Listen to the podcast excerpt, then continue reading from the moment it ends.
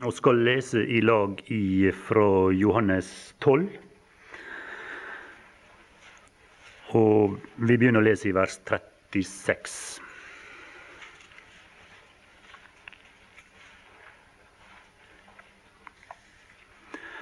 Tro på lyset den stund dere har lyset, for at dere kan bli lysets barn. Dette talte Jesus, og han gikk bort og skjulte seg for dem. Men enda han hadde gjort så mange tegn for deres øyne, trodde de ikke på ham. For at det ord av profeten Esaias skulle oppfylles som han har sagt, Herre, hvem trodde det budskap vi hørte? Og for hvem ble Herrens arm åpenbaret? Og de kunne ikke tro fordi Esaias atter har sagt, Han har blindet deres øyne og forherdet deres hjerte for at de ikke skal se med øynene og forstå med hjertet og omvende seg, så jeg kunne lege dem. Dette sa Esaias fordi han så hans herlighet og talte om ham. Allikevel var det mange som trodde på ham, også av rådsherrene. Men for fariseernes skyld bekjente de det ikke, for at de ikke skulle bli utstøtt av synagogen. For de ville heller ha ære av mennesker enn ære av Gud. Men Jesus ropte og sa, Den som tror på meg, tror ikke på meg, men på Ham som har sendt meg. Den som ser meg, ser Ham som har sendt meg. Jeg er kommet som et lys til verden, for at hver den som tror på meg, ikke skal bli i mørket. Og dersom noen hører mine ord og ikke tar vare på dem, så dømmer ikke jeg ham. For jeg er ikke kommet for å dømme verden, men for å frelse verden. Den som forkaster meg og ikke tar imot mine ord, har den som dømmer ham. Det ord jeg har talt, det skal dømme ham på den ytterste dag.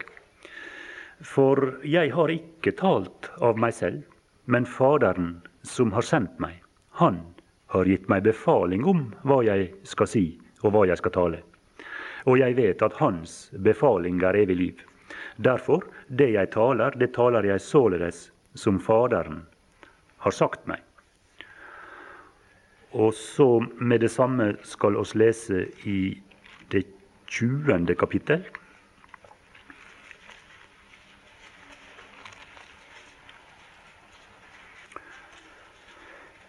Og vers 30. Også mange andre tegn gjorde Jesus for sine disiplers øyne. Tegn som ikke er skrevet i denne bok. Men disse er skrevet for at dere skal tro at Jesus er Messias, Guds sønn, og for at dere ved troen skal ha liv i hans navn. Og vi kan også med det samme lese kapittel 21 og vers 25. Eh,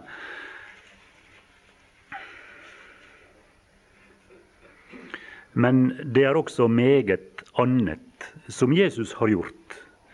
Skulle det skrives hver ting for seg, da mener jeg at ikke hele verden vil det romme de bøker som da måtte skrives. Ja, i det siste oss las her, så sto her at uh, det var voldsomt mange ting Herren Jesus hadde gjort.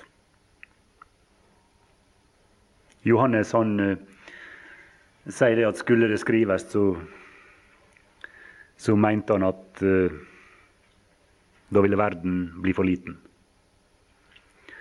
Det det, min, det minner oss om Hebreabrevet 11, ikke sant? Når, når apostelen kommer et, et, stykke ut der i, det er vel til vers 31, eller kanskje vers 32. og Så, så begynner han også å få tidsnød. Tiden blir for kort, sa han. Når, når Herren Jesus' i gjerning skulle beskrives, da ble verden for liten til å romme de bøker som måtte skrives. Når, når de troende sine erfaringer av himmelens Gud skulle beskrives, så rekker ikke tida til til det vitnemøtet som det da ville bli. Her er ganske store dimensjoner. Men disse er skrevet, sto her i vers 31 i det 20. kapittelet. Det ser ut som om her har gjort et, et utvalg. Et utvalg av hendelser er fortalt oss. En del av de ting Herren sa, og en del av de tegn Herren Jesus gjorde. Det var mange andre tegn han gjorde, men de er ikke å skrive opp, sier Johannes. Men disse er skrevet for at de skal tro at Jesus er Messias, Guds sønn, og for at de ved troen skal ha liv i Hans navn. Det er litt greit å være oppmerksom på de to versene der i slutten av det 20. kapittelet. Fordi, fordi det forteller oss noe Det kan være en, slags grei nøkkel å bruke når vi skal nærme oss Johannes evangelium. At det der er en overordna hensikt. Det er gjort et utvalg. Et, et, jeg holdt på å si et grundig bestemt det, det, det, det, er ikke en samling av tilfeldige tildragelser som er liksom eh, skrevet ned i full fart i ei bok, men det er gjort et, et skjønnsomt er vel ordet, et skjønnsomt utvalg av ting, av tegn, som er skrevet opp. I den hensikt at de som leser om det, de skal bli overbevist om én ting, nemlig at Jesus er Messias, Guds sønn. De som gikk der iblant når de kunne se disse tegn og bli overbevist. Oss kan høre om dem, lese om dem, og oss kan bli overbevist. Ehm, det er noe av den samme tanke hvis vi blar til apostelgjerningene 2. Når Peter taler der på pinsedag, så, så sier han det er vel i vers 22. Israelittiske menn, hør disse ord. Jesus fra Nasaret en mann som var utpekt forræder av Gud ved kraftige gjerninger og under og tegn som Gud gjorde ved ham midt iblant dere. Det var ikke på måfå, og det var ikke for ingenting at under og tegn blei gjort ved ham. Gud brukte disse tegn for å utpeke han for dem. For at de skulle jeg holdt på å si, gjenkjenne han og forstå hvem han var. Når, når jeg valgte å lese det forholdsvis lange avsnittet her i kapittel 12, så så var det fordi at det der er oss på et vis kommet til oppsummeringa av resultatet. Og jeg tror at det er ganske karakteristisk når det står at uh, i slutten av vers 36 at det han skjulte seg for dem. Der er liksom ei, ei siste oppfordring. Og så, og så forsvinner han ut av syne for for dem. Og så begynner han i vers 37 og så summerer opp. Og så sier han enda han hadde gjort så mange tegn for deres øyne, trodde de ikke på ham. Og Når vi kommer ut i kapittel 13, så, så er det ikke folket i sin helhet Herren er sammen med og taler til. Nei, da står det at da, da, da er det brukt et ord, og det, det, er så voldsomt fint. Der står 'sine egne'. Når vi kommer i kapittel 13, så er, det, er han samla med sine egne. Og han taler til sine egne. Og så og, og, og, og, det er det som skjer i, i kapitlene utover, og så er det lidelseshistoria og, og de tingene som har med det å gjøre. Så vi kan på et vis se det som sånn at det, dette avsnittet i, i Johannes 12 det markerer et slags vendepunkt. En slags oppsummering, om du vil, av, av resultatet. De trodde ikke på ham. Og så siterer han Esaias. Og så sier han at det er det som skjer her nå. Det er oppfyllelsen av det Esaias hadde sagt. Vi leste i stad ifra, ifra Isaias 53, eller oss, ja, et litt, litt, og vi kan gå tilbake igjen dit og se litt mer på det.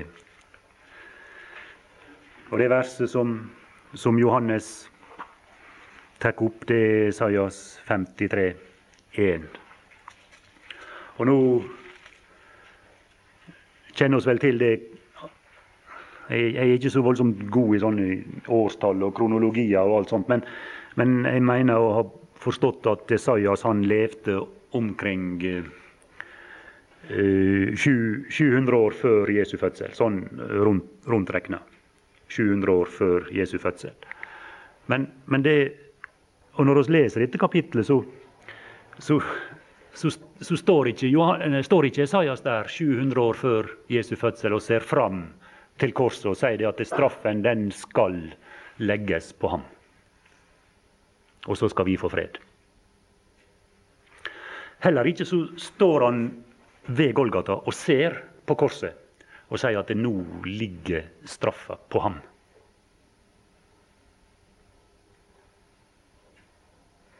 Nei, på et vis så står han i, i tusenårsriket. Han står der som, et, som representant for et folk som har tatt imot Herren. Og så ser han tilbake. Og så ser han tilbake igjen på de hendelser som utspant seg i forbindelse med Jesu liv i denne verden. Og så spør han hvem trodde det budskap vi hørte? Og de ord han talte. Var det mange på den tid som trodde på dem? Og for hvem ble Herrens arm åpenbaret? Det må tale om de tegn han gjorde. Guds veldige hånd i aktivitet. Var det mange som så det? Og så kommer to vers der han forteller om det de så. Eller hvordan de så på han. Han skjøt opp som og leste det i stad, og leser det gjerne om igjen. Han skjøt opp som en kvist for hans åsyn, og som et rotskudd av tørr jord. Han hadde ingen skikkelse og ingen herlighet. Vi så ham, men han hadde ikke et utseende så vi kunne ha vår lyst i ham. Foraktet var han, og full, nei, og forlatt av mennesker, en mann full av piner og vel kjent med sykdom. Han var som en som folk skjuler sitt åsyn for.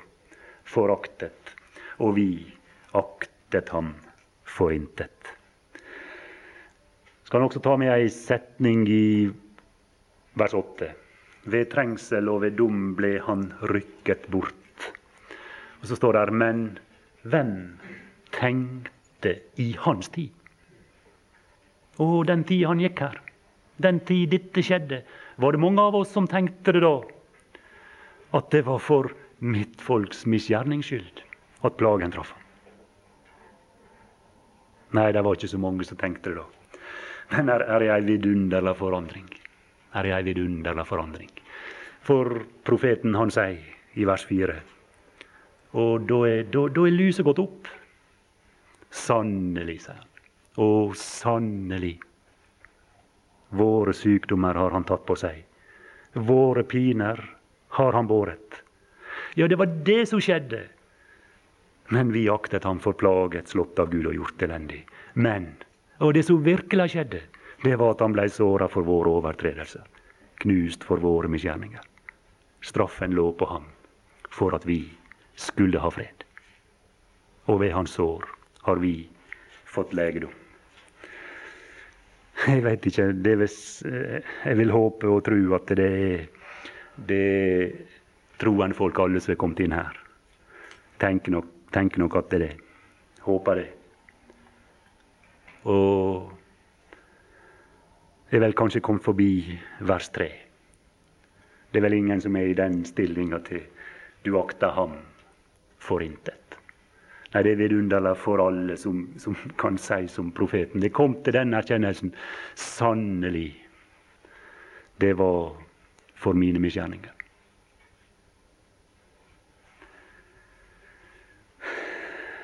Hvem tenkte i hans tid? Nei, det var ikke mange.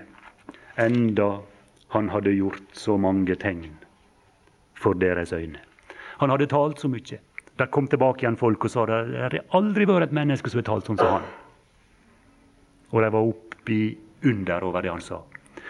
Ja, de kalte det for de livssalige ord som gikk ut av hans munn.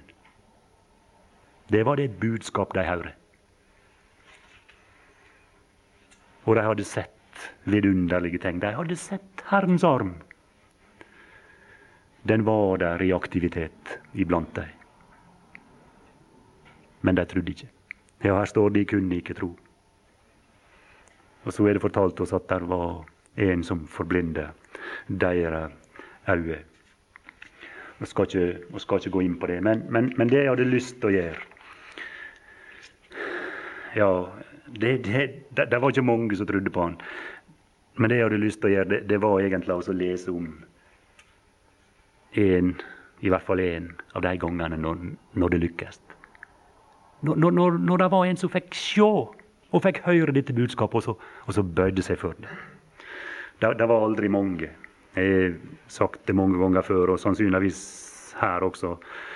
At, at, at det taler voldsomt sterkt til meg, det, det som står i apostelgjerningen 1 etter Jesu himmelfart, når de gikk tilbake igjen. Når de gikk tilbake igjen der, så, så står det om at de, de, de, de samler, samles noen få på en sal. Og, og der står et tall nevnt. og det, det er vel verdt å legge merke til det. I det 15. verset i disse dager sto Peter opp midt iblant brødrene. Der var samlet en flokk på omkring 120. Svimlende tall, hva? Tenke på at da hadde Guds sønn gått der i denne verden i 33 år. Da hadde de sett, og da hadde de hørt, ting som aldri før hadde vært vist i denne verden. En åpenbarelse av et lys som de aldri før hadde sett.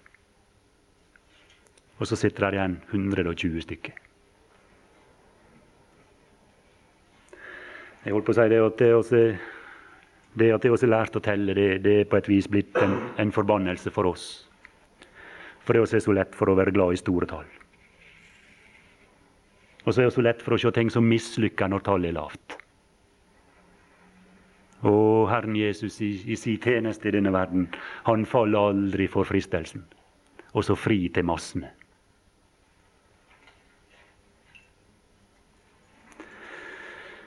I Salme 12, der Guds ord er beskrevet som rene ord, som Ja, så står der i det niende verset hva du skal gjøre hvis du vil ha masse folk samla. Rundt omkring svermer de ugudelige, står der, når skaren er opphøyet blant menneskenes barn. Hvis han syns forsamlinga blir for lite, hvis han syns det blir smått med folk, så er det bare å ta det som er lavt, og så gi det en høy plass. Så strømmer de til. Du kan være ganske sikker. Herren Jesus han faller aldri for den fristelsen. Og han gjorde alltid det som var Faderen til behag. Han gjorde alltid, i enhver situasjon, det som var rett. Måtte oss lære, måtte oss lære noe av det. Og så hadde jeg tenkt at jeg skulle si noe om, om en, en, en, av disse her tildragelsene der. Der det lykkes, for det, det, det, er så fint å lese. Og, og i, i Johannes så er det noen sånne tilfeller der der denne arm var i aktivitet, og, og denne røst lydde, og så ble det et vidunderlig resultat. Og Vi kjenner alle til det. Jeg tenker på den beretninga som står i det niende kapittel.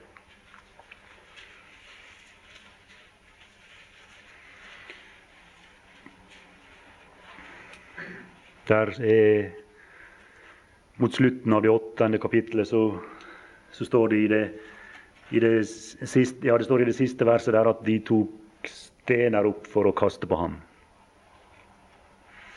Men Jesus skjulte seg og gikk ut av tempelet.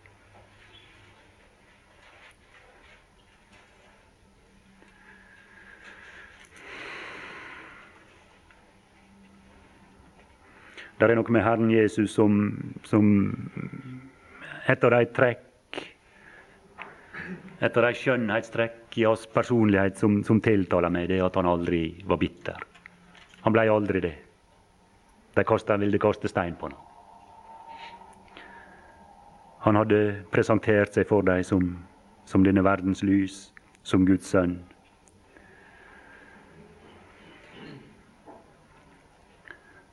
Han hadde fortalt dem at det var en mulighet at de kunne unnfly den fordømmelse som Moses la ned på dem.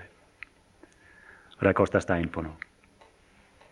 Det er aldri en sånn tankegang at det, når ikke de vil, så får de ha det så godt. Her står at da han gikk videre, ja, så er han på speiding fremdeles. Så så han en mann, står der. Så så han en, en enkelt en i ei ynkelig forfatning, og så var det en som han kunne få hjelpe. En mann som var født blind. Han skulle kanskje sagt noe om Jesu blikk. Så kan jeg i hvert fall si sitere fra Salme 113.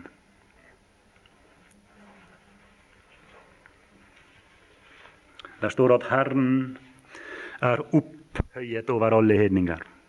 Det er i det fjerde vers. Hans ære er over himmelen.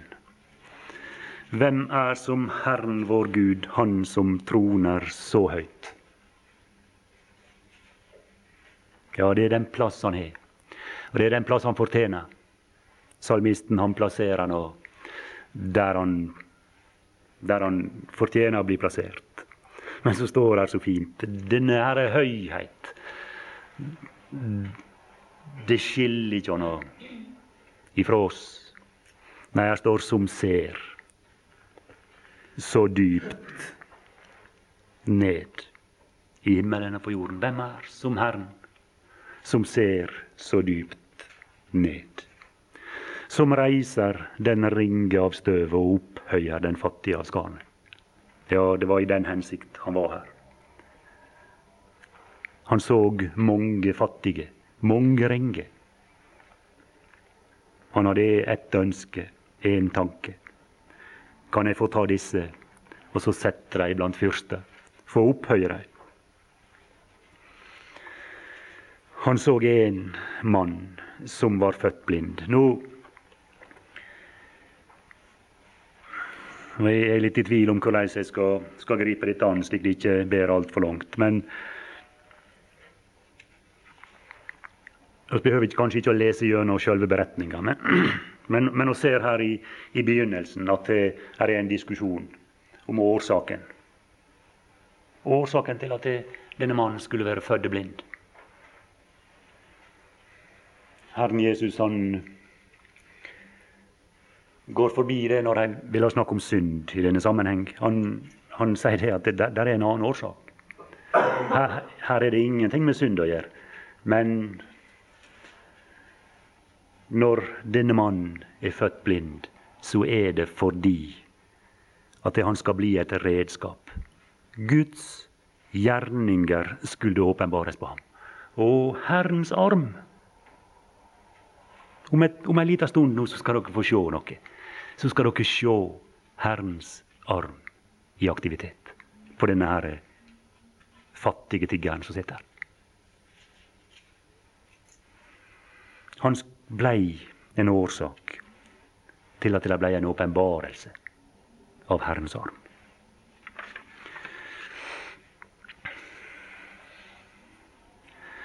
Nå, nå er det ei side av dette her som, som, vi kanskje bare kan gå forbi forholdsvis fort. For oss er vant med å ta dette her, eh, og se først og fremst på den sida av det at her er et bilde av en ufrelst en som blir frelst. Denne mannen her, han var blinde ifra naturen. Han satt tydeligvis utafor tempelet, altså det sted der gudsdyrkelsen, der samfunnet med Herren ble pleie. Han, han, var, han var utafor alt dette her. Han var fattig, han tigga, han kunne ikke engang opprettholde sitt eget liv ved sitt eget arbeid. Han, han, han var en som ingenting hadde. Og så opplever han å møte han som er ja, jeg holdt på å si den utsendte. Hvis du leser gjennom Johannes evangelium, så vil du finne at han er sendt, eller han er utsendt, eller han er utgått. Den Herre Jesus ifra Faderen utallige ganger. Jeg, jeg, jeg, jeg vil, tro at du, du, kanskje finner det 40 ganger i dette, i dette evangelium. At Herren Jesus er den utsendte, eller den som er utgått fra Faderen, eller den som er sendt. Og, og denne dammen her i dette kapittel, den, den, den taler om det. Gå og vask deg i dammen siloa. Det er utlagt, utsendt. Han gikk da bort og vasket seg og kom tilbake seende. Her er, her er, et, her er et bilde av en som blir frelst. Det er ingen tvil om det. Men jeg, jeg var ikke tenkt å si så voldsomt mye om akkurat det. Men, men her, er, her er noe annet her som slår oss i møte. Og det har med denne her åpenbarelsen av Guds gjerning. For det her blir et spørsmål som røyser seg med en gang. Det blir mye grubling om her har det skjedd noe. Og så blir det mye grubling om hva er det som har skjedd. Og hvem er det som har gjort dette her? Og hva er det for noe? Og i vers 17 så, så spør de hva sier du om ham, siden det var dine øyne han åpnet? Hvem er han? Det er det som er det brennende spørsmålet. Hvem er han? Hva er han for noe, denne her, som går rundt og så gjør sånne ting? Han hadde bare sagt Han hadde fortalt dem hvem det var i vers 11 når han sier at det var den mann som heter Jesus. Og den mann som heter Jesus, han visste disse her jødene og fariseerne og rådsherrene han visste dem voldsomt godt om. Han var i ferd med å bli jeg holdt på å si, deres største problem. Den mann som heter Jesus gjorde en deg og smurte på mine øyne og sa til meg, gå til siloa og vask deg. Da jeg så gikk bort og vasket meg, fikk jeg mitt syn. Er han noe mer enn tømmermannen ifra Nasaret? Er han noe mer? Ja, han sier det i vers 17. Han er en profet. Han er en profet. Han må i hvert fall være en som har med Gud å gjøre. Det er denne her blinde overbevist om ifra, ifra første øyeblikk. Han er en profet. Jødene de vil ikke tro. Og ser det ganske klart i, i vers 18 at de, de, er til og med villige til å holde på å si, fornekte det faktiske forhold. De er til og med villige til å fornekte det forholdet at denne mannen hadde vært blind. Og så går det så langt at de ja, De tror rett og slett ikke på noe, at han har vært blind, men de kaller til seg foreldre. Altså, så, og så er dette er deres sønn, som i sier er født blind. Han ser nå tydeligvis nå. Hva er det som har skjedd her?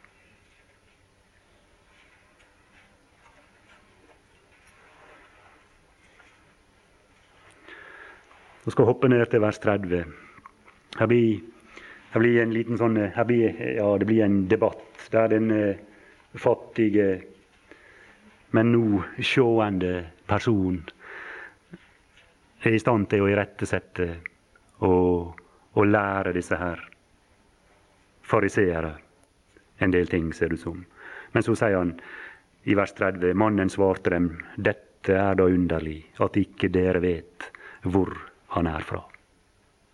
Ja, det er i sannhet forunderlig at ikke dere vet hvor han er fra. Og han har dog åpnet mine øyne. Vi vet at Gud hører ikke syndere, men den som er gudfryktig og gjør Hans vilje, ham hører han. Så lenge verden har stått, er det uhørt at noen har åpnet øynene på en blindfødt. Der hadde ja, verden hadde stått i ganske mange år. Og det var ganske mange ting som var blitt sagt i løpet av den tida. Men det var én ting som noen aldri før hadde hørt om. Tydeligvis. Så lenge verden har stått, er det uhørt at noen har åpnet øynene på en blindfødt. Var ikke denne mann fra Gud, da kunne han intet gjøre. Og han hadde i hvert fall sett at det er det som er skjedd her nå. Det er at det er Herrens arm. Den har vært i aktivitet. Og så reagerer disse her med å kaste han ut. Det er det som står om i vers 22. At jødene var allerede kommet overens om at dersom noen bekjente ham å være Messias, skulle han utstøtes av synagogen. Og, og, og, og den trusselen den trusselen ifra, ifra jødene. Og når det står jødene, så, så, så, tror jeg det i mange sammenhenger her i dette evangeliet er meint de som, de som var de styrende. Det er meint rådsherrene, fariseerne, de, de, styrende. Av og til så er jødene omtalt som i, i motsetning til, til folket. De hadde bestemt at han skulle, om noen bekjente Jesus for å være Messias, så skulle han støytes ut av synagoga. Og det, det, det var en, en, voldsomt alvorlig sak, fordi at den som ble utstøtt av synagoga, han ble berøvet alle sine rettigheter i samfunnet. Han ble en som ingen skulle snakke og, og, og det er ganske tydelig at det, det, det representerte en alvorlig trussel. Fordi ja, i de fleste tilfeller i hvert fall, så er det sånn at, at om, om om jeg får fiender på alle kanter, så er det i hvert fall noen som vil forsvare meg. Og det er foreldrene mine. Men denne trusselen den var såpass alvorlig at til og med foreldrene hans ikke turte å stille opp for ham. De fryktet, står der, for jødene. Fordi denne trusselen om å bli støtt ut av synagoga, den var så alvorlig. I den forbindelse så kan vi kanskje holdt på å si før jeg glemmer det, så kan vi kanskje lese i Salmen og det, og det, det Salme 27. Der er et, et ord. Der, der, er, der, er, noen som, som, opplever det, at det når, når, de, når, når, de, blir omvendt til Herren Jesus, så, så får de problem med omgivelsene. Problem med de verslige. Og noen opplever at de får problem med, med familie, med foreldre. Det står i det første verset at 'Herren er mitt lys og min frelse'. For hvem skal jeg frykte? Herren er mitt livs vern. For hvem skal jeg reddes? Men så, så skal vi se på det tiende verset. Der, det, det, er David som beskriver erfaringa her, tror jeg. For min far og min mor har forlatt meg, sa han.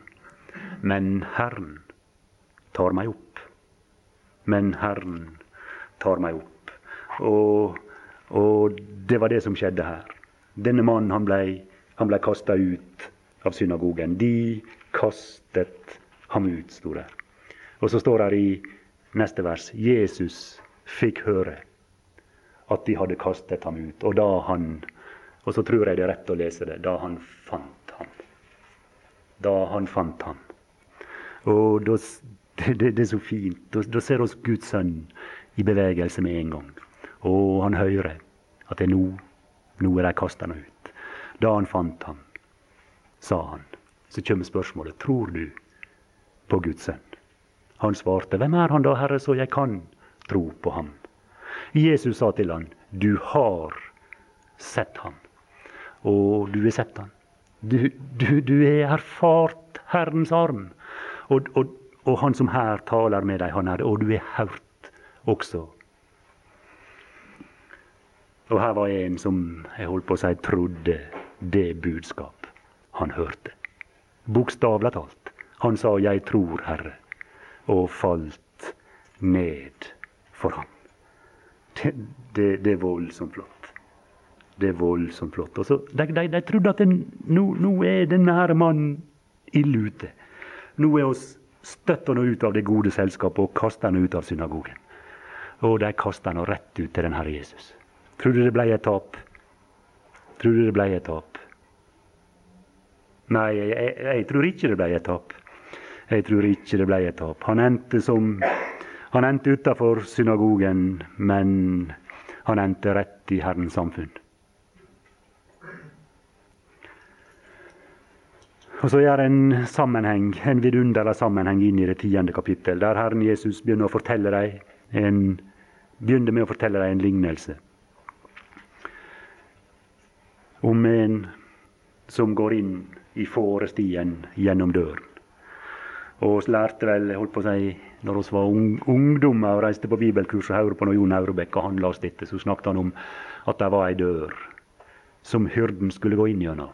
som var beskrevet, og som var holdt på å si, bygd, tegna i, i, Det gamle testamentet.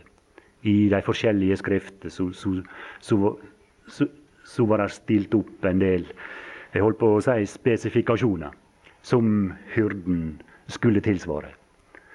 Og så var det mange det, det, det, det var mange som steg over andre plasser. Det var mange, og, og, og ja, noen av dem er nevnt på navn i apostelgjerningene 5. Sånne som kom, og så fikk en flokk etter seg nå og da. Han, han, han nevner opp noen der. Vi trenger ikke slå det opp, dere kjenner sikkert til det. Men det, det, var sånne som kom, så, men, men, de oppfylte ikke kravet. De steg over andre plasser, men de seg, påberopte seg å være hyrder. Så var det noen som fulgte dem, og det varte en kort tid, og så, og så var det tapt, liksom. Så ble det ingenting av det. Den som går inn gjennom døren, står her, han er fårenes hyrde. For ham lukker dørvokteren opp. Jeg skal ikke spekulere på hvem dørvokteren er, men han kan jo gjøre seg sine tanker.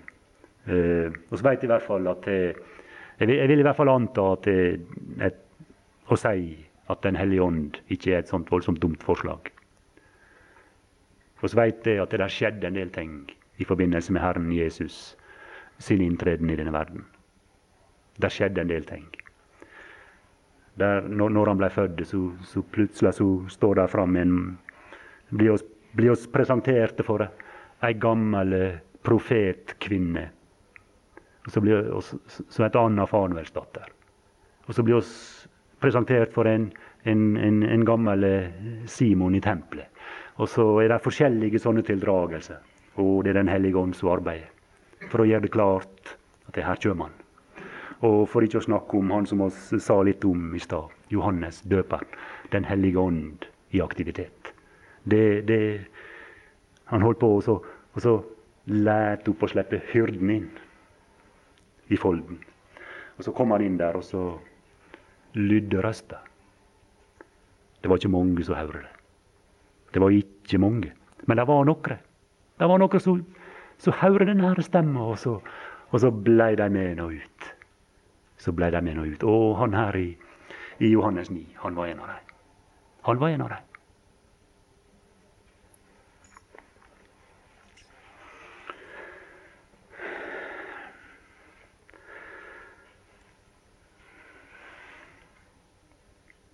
Ja, det er litt tid igjen. Uh, her i, i, Johannes 10, når vi leser om denne hyrden, så, så, så er det først og fremst den, den, gode hyrde som setter sitt liv til for fårene. Men, men eh, der, er et vers i, i Peters brev som, som jeg syns er så vidunderlig. For, det, for det, da er ikke det først og fremst han som setter sitt liv til for fårene. Men, men i 1. Peter 2 er det vel, der er han kalt for sjelens hyrde og tilsynsmann. Og det syns jeg er fint. I var, eller dere var villfarende som får, men har nu omvendt eder til eders sjelers hyrde og tilsynsmann. Her er ikke det først og fremst den karakteren at det er den hyrden som dør for fårene. Men her er det tror jeg, den karakteren som, og, som, som leder fåret. Og han er tilsynsmann. Den som ser til at fåra er har bra. Jeg husker i, i, jeg si, i gamle dager så var det sånne haustvikender inne i Hålandsdalen, på fjellstuen, eh, en del år. Og jeg husker ett et år så, så, så klaffa det sammen. Den lørdagen vi var der inne, det, det, var den dagen de i Hålandsdalen hadde sånne saudesanking, som så, sa, sa på Valdrøya før i tida. Saudesanking. Da hele bygda omtrent strauk til fjells for å hente ned igjen sauene. Og, og, så På kveldsmøtet den dagen da, så, så skulle han Audun Gjelvik åpne møtet. og så det er kanskje noen som var der og som husker og Da, hadde ikke han klart å legge fra seg denne tanken om saudesankinga. Så leste han ifra, ifra Det gamle testamentet, der, der, det er sagt som et råd jeg holdt på å si et råd til hyrden at du bør kjenne nøye dine fårs utseende. Og det blei ganske fint. Det blei ganske fint.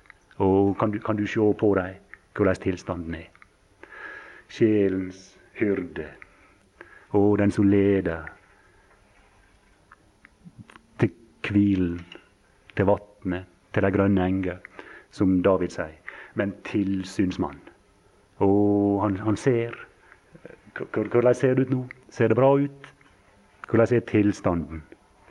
Det er en tilsynsmann sin oppgave. Det, det, det, det, er ikke så ille å bli sett utafor i denne verden. Når, å, å bli kasta ut når du blir kasta ut til en sånn person. Det blir ikke noe tap. Det, det blir ikke noe tap da. Vi må gå litt tilbake igjen til Johannes 12.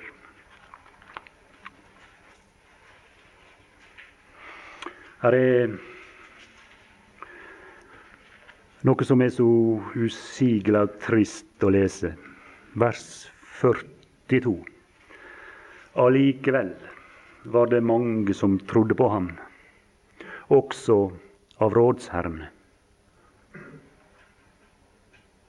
De hadde hørt hans ord. De hadde sett de tegnene han gjorde. Og så trodde de på ham. Jeg ser det for meg at de i sitt hjerte var blitt overbevist om hvem denne mannen var.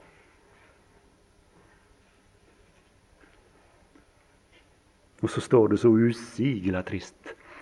Men for fariseernes skyld bekjente de ikke, for at de ikke skulle bli utstøtt av synagogen. For de ville heller ha ære av mennesker enn ære av Gud. Det er usigelig triste ord. Den vannære som fulgte med, og så bli sett utafor synagoga, det tap av prestisje, det var for tungt å bære. Og så Det ser ut for meg som det er et bevisst valg. Der de står, og så holder de en, en kortvarig periode der de kunne bli æra. Og bli helst på, på torgene, som der står.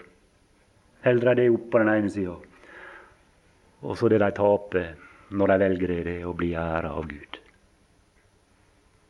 Og jeg tror at det går an den dag i dag. Det går an den dag i dag å ha hørt, og ha lest, og ha fått sett og i sitt hjerte har blitt overbevist om hvem denne mannen er. Uten å ta konsekvensen av det. Uten å bøye seg foran ham. Uten å ta hans vanære på seg. Ære og ære av Gud. Der er en mulighet. Og så få ære av Gud. Det er ganske fint. Der er, der, boka her åpner en vei til å bli en person som Gud vil ære. Disse de ville heller være av mennesker. Hun måtte ingen stelle seg slik. Måtte ingen stelle. Det, det blei deres evige ulykke. Og for enhver som er overbevist av det han har sagt, av det han har gjort, de som, enhver som har sett Herrens arm. Og som har hørt budskapet som er sto. Hvem trodde det budskapet vi hørte? Der er én ting å gjøre. Det å gjøre som han her, han her oss la oss om i det niende kapittel og si 'Å Herre, jeg tror', og så falt han ned for han. Så tok han den plassen, og så fikk Herren Jesus den plassen der oppe som han fortjente.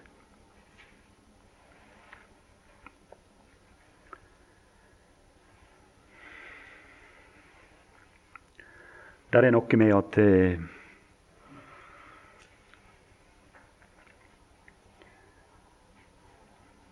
Det spørsmålet om hvem trodde det budskap han hørte.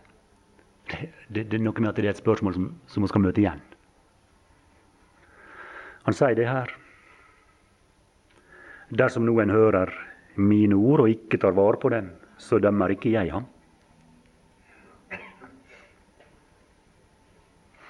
For jeg er ikke kommet for å dømme verden, men for å frelse verden. Den som forkaster meg og ikke tar imot mine ord, har den som dømmer ham. Og så er det det at det er det ordet det skal dømme han, står der på den ytterste dag. Og han skal på et vis møte det igjen. Det var et budskap. Du hører. Der var ei arm som blei åpenbart. Så skal spørsmålet bli hvem trodde? Hva gjorde du med det, liksom? Ja, og så er det noe her som, som er temmelig svar Og ser med en gang at dette, en del av dette svarer til noe av det vi las i stad, om at uh, der i Johannes 1, 18 så las oss at ingen har noensinne sett Gud, men den enbårne sønn, som er i Faderens skjød. Han har åpenbaret ham. Og ser at det, det, er det som er tankegangen her hele veien. At det er de ord han taler, de talte Herren Jesus ikke av seg sjøl. Men han talte slik som Faderen ville ha talt. Slik at det er den som hører Sønnen, han hører Faderen.